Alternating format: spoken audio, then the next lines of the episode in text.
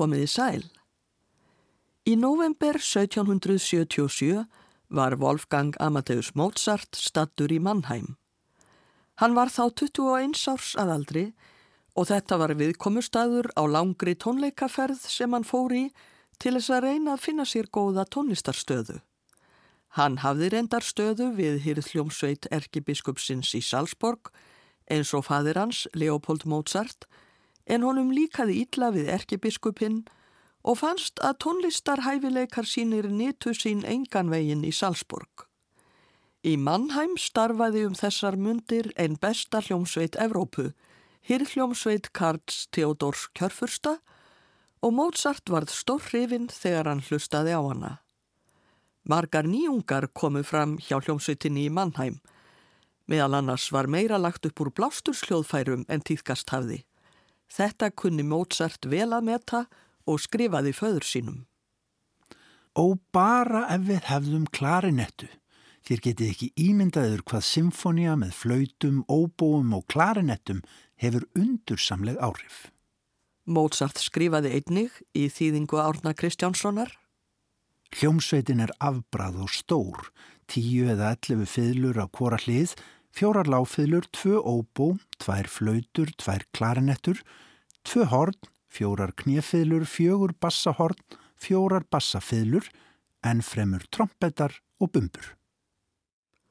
Hljómsveitin var vissulega afbræð og hafði svo mikil áhrif að talað hefur verið um Mannheim skólan í tónlist. Tónskáldið Jóhann Stamitz átti mikið þátt í því að gera hljómsveitina því sem hún var.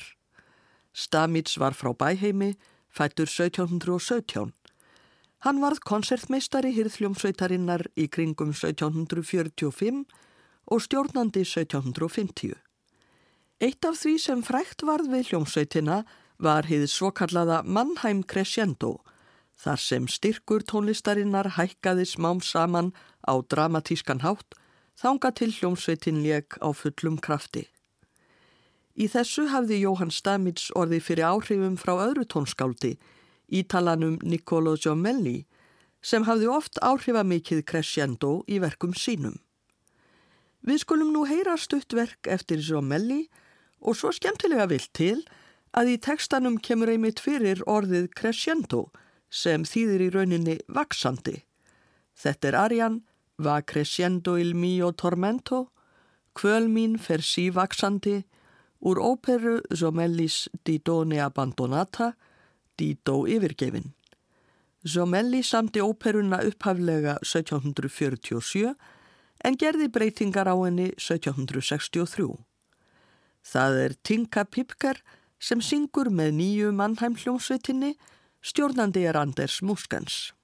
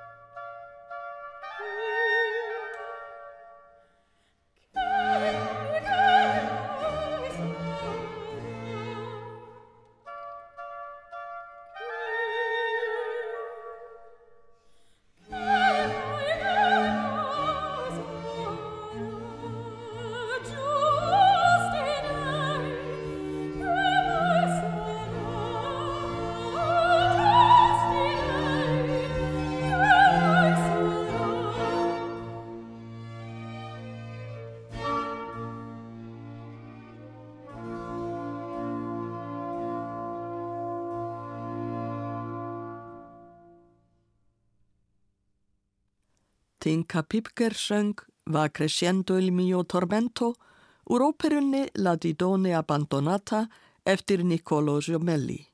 Nýja Mannheim hljómsveitin leik undir stjórn Anders Muskens. Þá skulum við heyra kabla úr verki eftir Jóhann Stamitz. Við hlýðum á fyrsta kabla, Allegro, úr Symfoníu Stamitz í Getur, koncertsveitin í Köln leikur.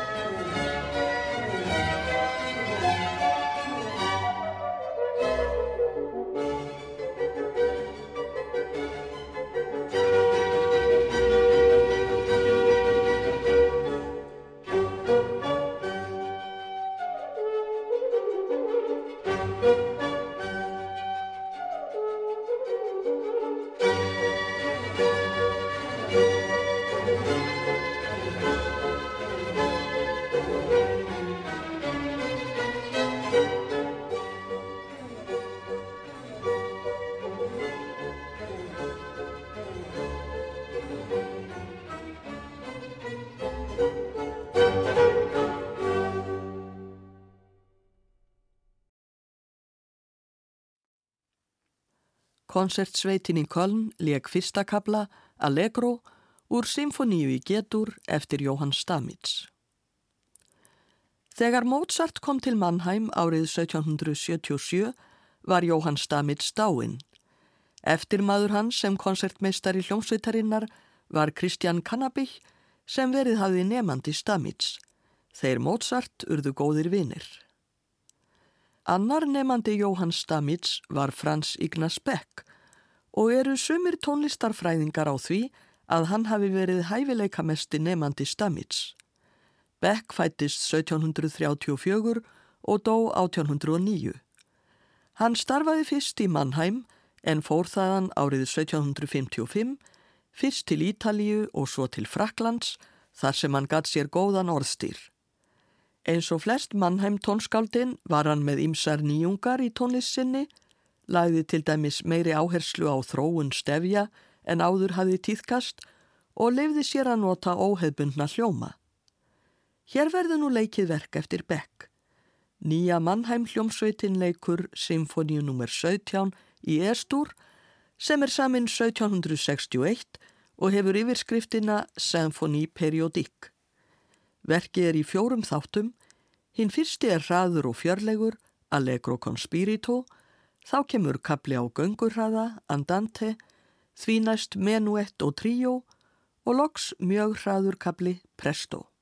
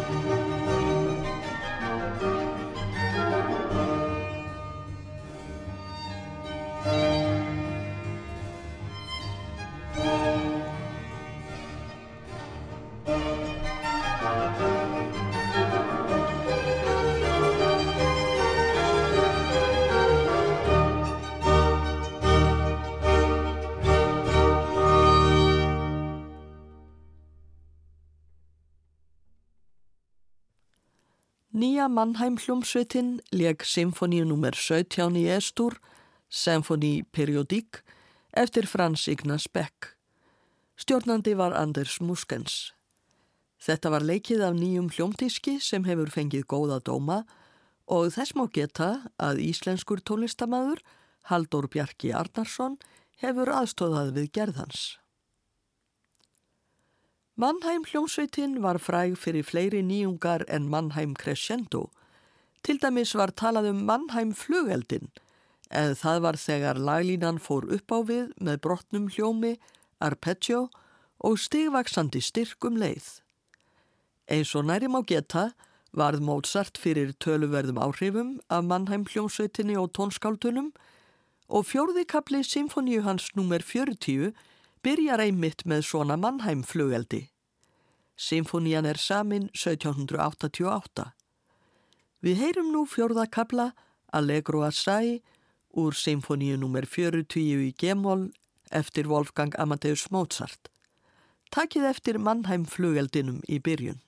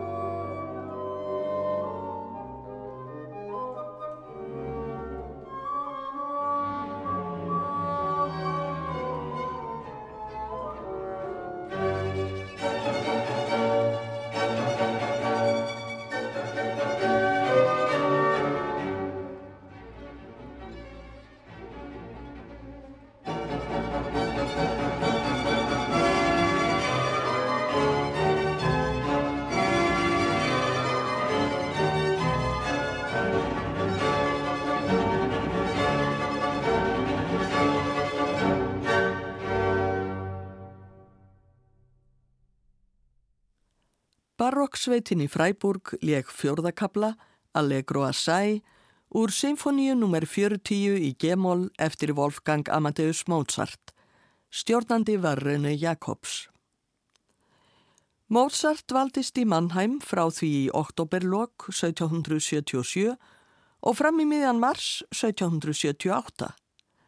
Það var ekki aðeins tónlistin sem ondli því að Mozart kunni vel við sig í borginni. Hann var orðin ástfangin af ungri stúlku með fallega söngrödd, Aloysiu Weber. Meðan á Mannheimdvöl Mozart stóð, samti hann konsertarju fyrir Aloysiu, Alcandro lo Confesso. Tekstin er eftir Pietro Metastasio og þar veldir ung stúlka því fyrir sér hvers vegna hún fyllist svo undarlegum tilfinningum þegar hún hittir Alcandro. Natalie Dessé syngur nú arjuna Alcandro lo Confesso eftir Mozart.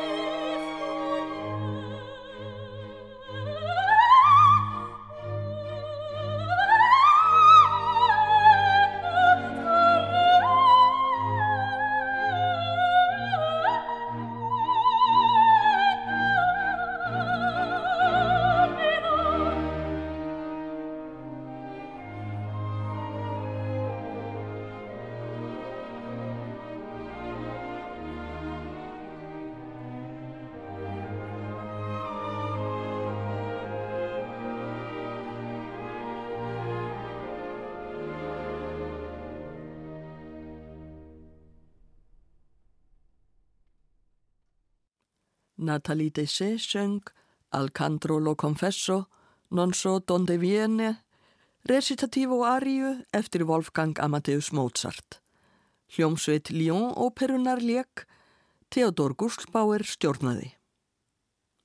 Við ljúkum þessum þætti um hýrð hljómsveitina í Mannheim og dvöl Mozarts þar með orðum tónlistargagrinandans Kristjans Friedrichs Daniel Schuberts.